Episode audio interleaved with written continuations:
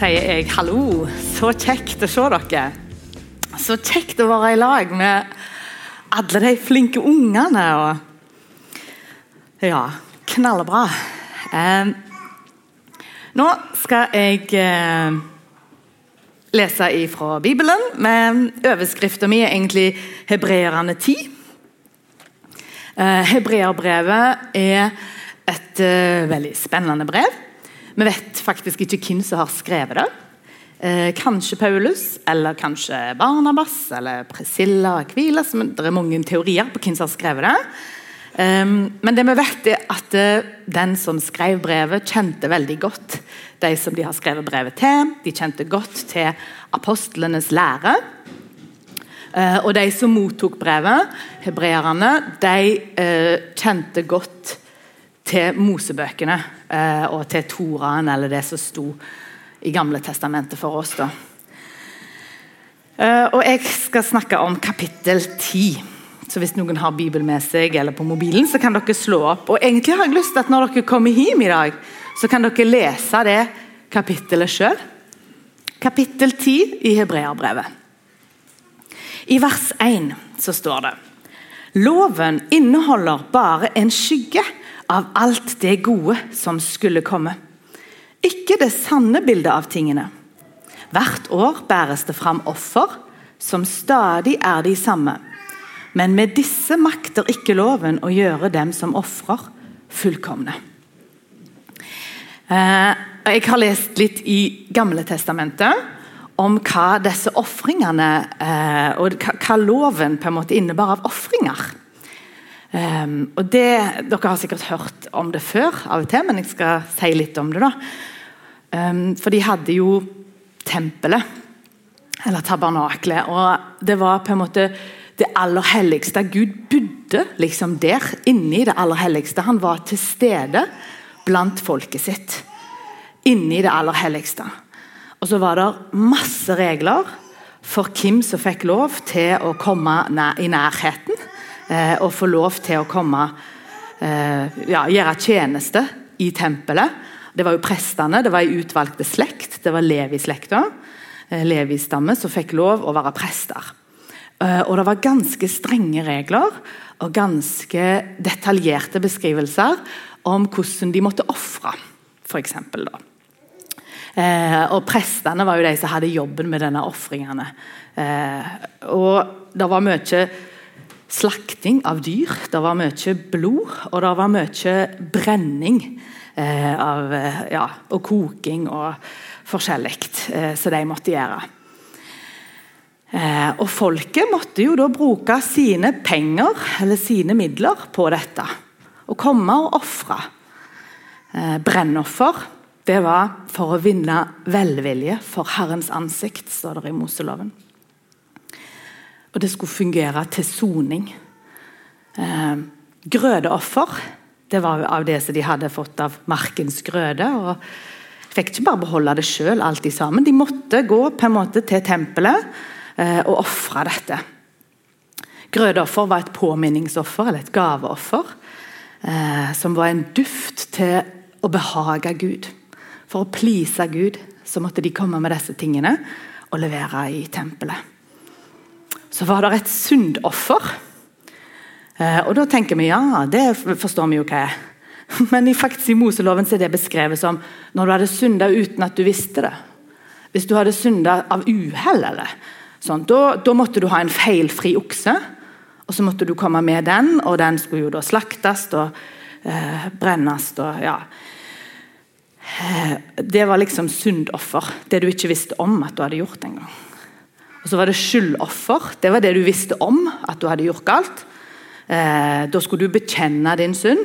Da måtte du ha med et dyr, eh, en, eh, sau eller en geit og et hunndyr. Ja, det var regler til alt dette. Så var det fredsoffer, takkoffer. Eh, det var et frivillig. da. da. Så det var noen av de som var frivillige. Og Da skulle de gjerne ha med eh, olje eller blod fra et, et av dyreofrene. eller Eh, og så var det prestene som sto og skulle gjøre denne tjenesten. Eh, og så var det regler for hvem som fikk lov å komme inn i det aller helligste. Eh, Og etter hvert så var det bare ei utvalgte slekt av Levi-slekta. Eh, for Gud forkasta noen av de når ikke de eh, fulgte reglene. Det står om i Esekiel. Um, og så skulle prestene lære folket forskjell på hellig og vanhellig. Og på rent og ureint. Tenk, dette, tenk hvis disse reglene gjaldt for oss som ville være kristne i dag. Tenk hvis det var sånn ennå. At vi måtte komme her. Daglig var det noen som måtte brenne noe. Kanskje vi skulle ha en del av lønna vår og lagt et bål her. Og så skulle vi brent en del av pengene våre bare for å please Gud. Eh, det er jo spesielt. Altså, Hvorfor var det sånn, liksom? Eh, og så har jeg prøvd å kverne litt på dette, og det kan godt hende teologisk at dette ikke er helt rett. jeg skal si noe, Men vi har jo lært noe om rent og ureint under denne pandemien. sant? Og Jeg lærte litt av dette når jeg gikk på sykepleien. at Når du har rent område, hvis du har vasket noe med desinfeksjonsmiddel, så er det området rent. Hvis det da kommer ett virus eller ei bakterie eh, inn på det området, da er det området ureint. Da har vi skitna til det området som egentlig var rent. Sant? Dere er med på tanken? Um, og så er det jo da liksom Ja, men eh, motsatt, da. Eh, for her var det snakk om hellig og vanhellig, eller uhellig. Da virker det ut for meg som at sånn som det var her, og sånn som gjerne Gud er det, at det, eh, hvis det kommer noe ureint i kontakt med Gud, så er det ikke sånn at da blir han urein. Det er sånn at det ureine dør. Og Det var det som skjedde med dem. at det, De kunne ikke gå inn i det aller helligste. For dette, de risikerte livet sitt. De kunne dø rett om for at Gud han er hellig. På søndagsskolen så sier vi ofte at Guds rike eller vi hadde en kampanje som Guds rike er opp-ned-rike. Og Dette blir en sånn en ting. I vår menneskelige verden så er det sånn at når noe uh, ureint kommer i kontakt med noe rent, så er det det ureine som smitter over. Og så blir alt skjete. Og Det er derfor Gud sier til oss at vi må ikke blande så mye. Vi må passe på å leve rene liv. for Vi blir smitta av det vi utsetter oss for. Men i Guds rike da, og i hans, hans lover er på en måte motsatt. Da er det sånn at Hvis det ureine kommer i kontakt med det rene, med det hellige, så er det det ureine som dør. Det er det som forsvinner. på en måte. Det er det hellige som vinner fram. I alle fall så står det videre om eh, Jeg skal lese vers 8-14 i Hebreabrevet 10. For her forklarer den som skriver, om, eh, om, hva Jesus gjorde, og hva han sa når han kom. Først sier han, altså Jesus, da Slaktoffer, og offergaver, brennoffer og syndoffer ville du ikke ha, og hadde du ikke glede i enda det er slike offer som bæres fram etter loven. Deretter sier han, se, her kommer jeg, altså Jesus, for å gjøre din vilje. Han opphever det første for å la det andre gjelde. Og i kraft av denne viljen er vi blitt helliget ved at Jesu Kristi kropp ble båret fram som en offer en gang for alle. Alle prester står daglig og gjør tjeneste og bærer gang på gang fram de samme ofrene som aldri kan ta bort synder. Men Jesus har for alltid båret fram det eneste offer for synder og satte seg ved Guds høyre hånd. Nå venter han bare på at hans fiender skal bli lagt som skammel for føttene hans. For ved en eneste offergave har han for alltid gjort dem som helliges fullkomne. Oh, jeg håper dere forstår poenget her. At Jesus han ble ofra en gang for alle. Han var den som la seg på det alteret eh, der hans liv ble gitt. Og Det betyr at det, det trengtes ikke mer offer. Det var det offeret som trengte å bli gjort en gang for alle. Og så Derfor trenger ikke vi å drive med disse ofringene. Og så står det så spennende videre ifra eh, vers 15 og til vers 18. Også Den hellige ånd vitner for oss om dette. For først, sier han, dette er pakten jeg vil slutte med dem i de dager som kommer, sier Herren. Jeg vil legge mine lovbud i deres hjerter og skrive dem i deres sinn. Og så, jeg vil ikke lenger huske syndene deres og all deres urett. Men der det er tilgivelse for syndene, trengs det ikke lenger noe offer for synd. Og jeg syns det er så fantastisk at vi da får lov Det står mer vers senere, de kjenteste versene dere sikkert har hørt før. står senere, De skal jeg ikke lese. Dere kan lese de sjøl. Men det står om at vi kan ha frimodighet til å gå inn i helligdommen og treffe den hellige Gud. Ansikt til ansikt. Og når vi har gjort det, altså da skriver han loven sin inn i våre hjerter. Og Det betyr at vi får lyst å gjøre det som Gud vil. Vi får lyst å leve rene liv. For det skriver han inn i hjertene våre. Og så kan vi si ja, jeg kjenner jo lysten til det onde også i hjertet mitt, og det gjør vi gjerne. Men vi har en annen lyst òg, da. Gud gir oss en annen lyst. Til å leve etter hans lover. Har han fått gjort det i ditt liv? Kjenner du det, at han har skrevet sine lovbud inn i ditt hjerte? Er det de lovene du prøver å følge og ønsker å følge i livet ditt? Er det han som er kongen i ditt liv? Så sto det noen vers i Esekiel som ble så alvor, eller de traff meg litt. Eh, for Det står om eh, at Gud sa til Esekiel om hvordan folket var. I Esekiel 33, vers 31 så står det Så kommer folket sammen. De sitter foran deg som mitt folk, sier Gud, og de hører mine ord, men de gjør ikke etter dem. For med sin munn taler de om stor kjærlighet, men deres hjerte jager etter urettvinning.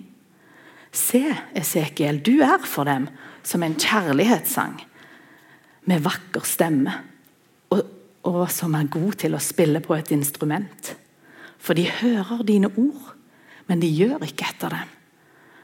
Og så traff disse versene meg sånn fordi at og jeg, jeg, jeg synes Av og til er det sånn. Og det er så godt å bare komme var på bedehuset og så høre de fine, trygge, gode ordene som en vakker kjærlighetssang. Ja, Trygt og godt for oss, og så går vi ut og så lever vi egoistiske liv og gjør ikke etter det som Gud egentlig vil at vi skal.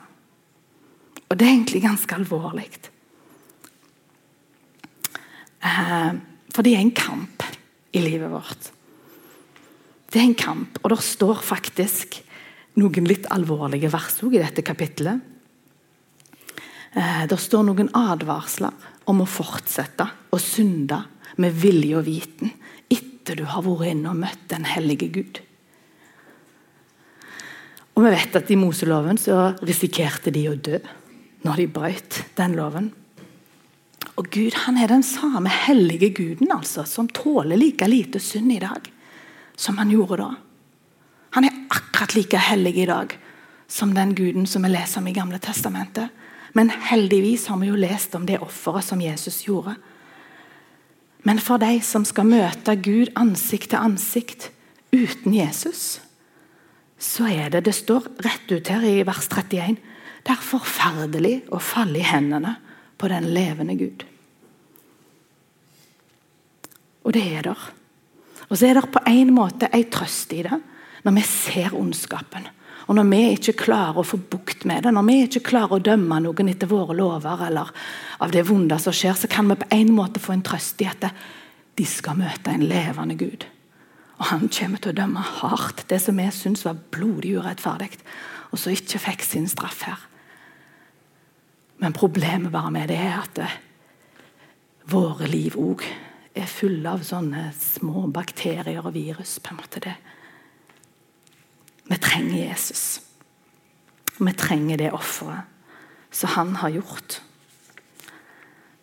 Og så står det at vi skal, det står oppfordringer i disse versene om at vi skal ha omtanke for hverandre. Og oppglede hverandre til kjærlighet. Og at vi må hjelpe hverandre med den daglige omvendelsen og Egentlig så er det et veldig radikalt budskap vi møter i hele Bibelen om å følge Jesus, om å leve livene våre. Og som, De som det står om her i hebreerbrevet, de hadde møtt forfølgelse for trua si. Og så står det, eh, der står faktisk så radikalt at det, de hadde møtt forfølgelse, men de fant glede i at alt det de eide, ble røft fra dem. For de visste at de eide noe som var mer verdifullt. Noe som var bedre, og som varer evig. Tenk på det. Hadde du blitt glad hvis alt du eide, ble røft ifra deg? Fordi du visste at du eikte noe bedre? Og så syns jeg det er så sterkt når vi da har noen venner her fra Ukraina som opplever det nå. Alt de eier, er blitt røft ifra dem. Og så kan vi trøste med at vet du hva? Det er noe som er bedre å eie og mer verdt å eie. Og noe som varer evig. Ikke bare den korte tida vi her er på jorda. Og jeg håper at det kan bli en sannhet for oss òg. At vi vet hvor den sanne verdien vår er, og hva det er vi eier i Jesus. Og så tenkte jeg på hvordan jeg skal for, for, formidle liksom, hvor radikalt jeg opplever at det er det Gud kaller oss til, et liv i lag med Han. Så tenkte jeg da på Kompani Lauritzen. Mange av dere har sett på det på TV-en. Eh, og da er det sånn at eh, han oberst Lauritzen han har en plan og en oversikt over hva som skal skje. Og så er det noen frivillige deltakere som har sagt ja til å være med på dette prosjektet. Og så må de legge fra seg alle sine eiendeler. De får ikke ha med seg sin bagasje. Ingenting. Og så kommer de, og så stoler de på at eh, de får utdelt det utstyret de trenger til det oppdraget de skaper. De stoler på at ikke de får for store utfordringer eh, i forhold til hva de kan klare. Så ser de for seg å på en måte være der i er det 14 dager. eller noe sånt.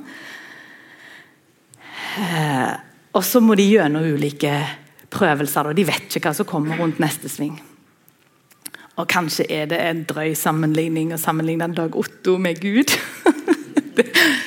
Jeg ser det. Det det. Dere må legge godviljen til her.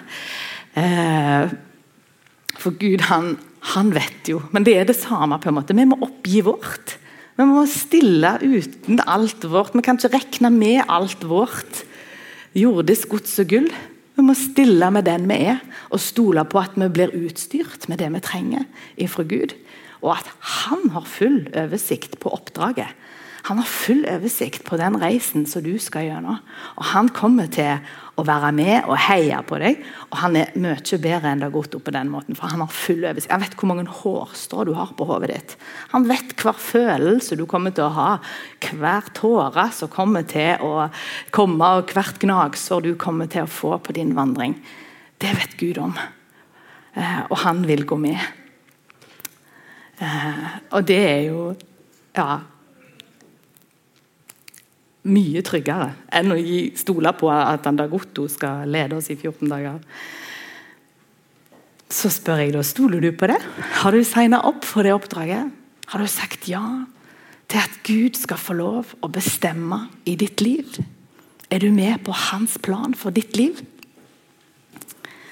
Og Så skal jeg ta med noen vers til. Fra vers 35 39. Der står det Kast ikke vekk frimodigheten, for den gir stor lønn. Dere trenger utholdenhet, så dere kan gjøre Guds vilje og vinne det som er lovet. For ennå er det bare en kort stund, så kommer Han som skal komme, og han skal ikke drøye. Min rettferdige skal leve ved tro, men trekker han seg unna, har min sjel ingen glede i han. Men vi er ikke av dem som trekker seg unna og går fortapt. Vi er av dem som tror og berger sin sjel. Og Jeg håper at vi er av de som tror og berger sin sjel. Men så står det så fint her da, om at han skal komme. Jesus skal komme igjen på samme måte. Og Det er egentlig ganske radikalt. Har du tenkt på det? Det er ganske konkret og radikalt at Jesus kommer igjen jeg er så heldig å få lov å være i lag med noen ungdommer oppe på KVH. Og Av og til så spør de så konkret. Det var noen som sa ja, Hvis du tror at han der Jesus skal komme igjen, nå, hva har han på seg da? For Han kommer ned i Israel. liksom, Går han i den der samme kjolen som han har hatt, eller har han hettegenser og bukser sånn som vi kler oss i dag? Ja, Det var et ganske kult spørsmål. Det er ganske sant, det vi tror på. Av og til når vi har hørt det så mye, så blir det så fjernt for oss. Men det er virkelig og sant. Og det kan skje i dag. Og det er det vi venter på. Nå skal vi feire himmelfarten i uka som kommer. Eh, og Da tenker jeg alltid på ja, han for opp, og så skal han komme ned igjen på samme måten. står Det Det er det det står om i denne boka, og det er det vi tror på. Det er radikale tro vi har. Ok, Så oppsummert eh, så forteller Hebreerbrevet 10 eh, om at loven var en skygge av det som skulle komme. Han viste oss alle disse ofringene, pekte fram mot at Jesus skulle ofre sin kropp. Og at Jesus frivillig gjorde det og gav sin kropp til soning en gang for alle. Og så trenger vi likevel daglige omvendelse. For at vi har fått skrevet Guds lov og Den hellige ånd inn i våre hjerter, som skaper lyst til å gjøre det gode. Og så har vi likevel ennå den naturen vår til å gjøre det vi har mest lyst til i oss. Derfor så trenger vi eh, å hjelpe hverandre. Det er det som er meningen. Vi skal hjelpe hverandre til å oppgløde hverandre, til å fornye oss og vende oss om. Og holde oss nær Jesus mens vi venter på at han kommer igjen. Og det kan være snart. Og det er godt å tenke på. Og Derfor kan vi få lov å vende oss til Gud nå. Og det skal vi gjøre i bønna. Herre, takk for at vi kan få lov å komme frimodig fram for ditt ansikt. Takk for at du er en hellig Gud. Men at du ikke brenner oss av for det, for det at du, du har ofra Jesus. Og takk for at vi derfor, på grunn av Jesus sitt blod, kan få lov å komme fram forbi ditt ansikt, Herre. Og ber om at du, Herre, tar imot oss nå. Takk for at din nåde er uendelig store og nye hver dag. Takk, Herre, for det, og for at du ser livene til hver og en av oss nå. Og bare ber om at du leder oss at du får lov å være Herren i livet vårt. At du får lov å være den som bestemmer. Ber om at din lov må bli skrevet tydelig i hjertene våre, sånn at vi lytter til den, Herre. For du vet hva som er best for oss, mer enn vi vet det sjøl. Vi ber om din veiledning, om din nåde, Herre. Vi legger oss i dine gode hender. I Jesu navn. Amen.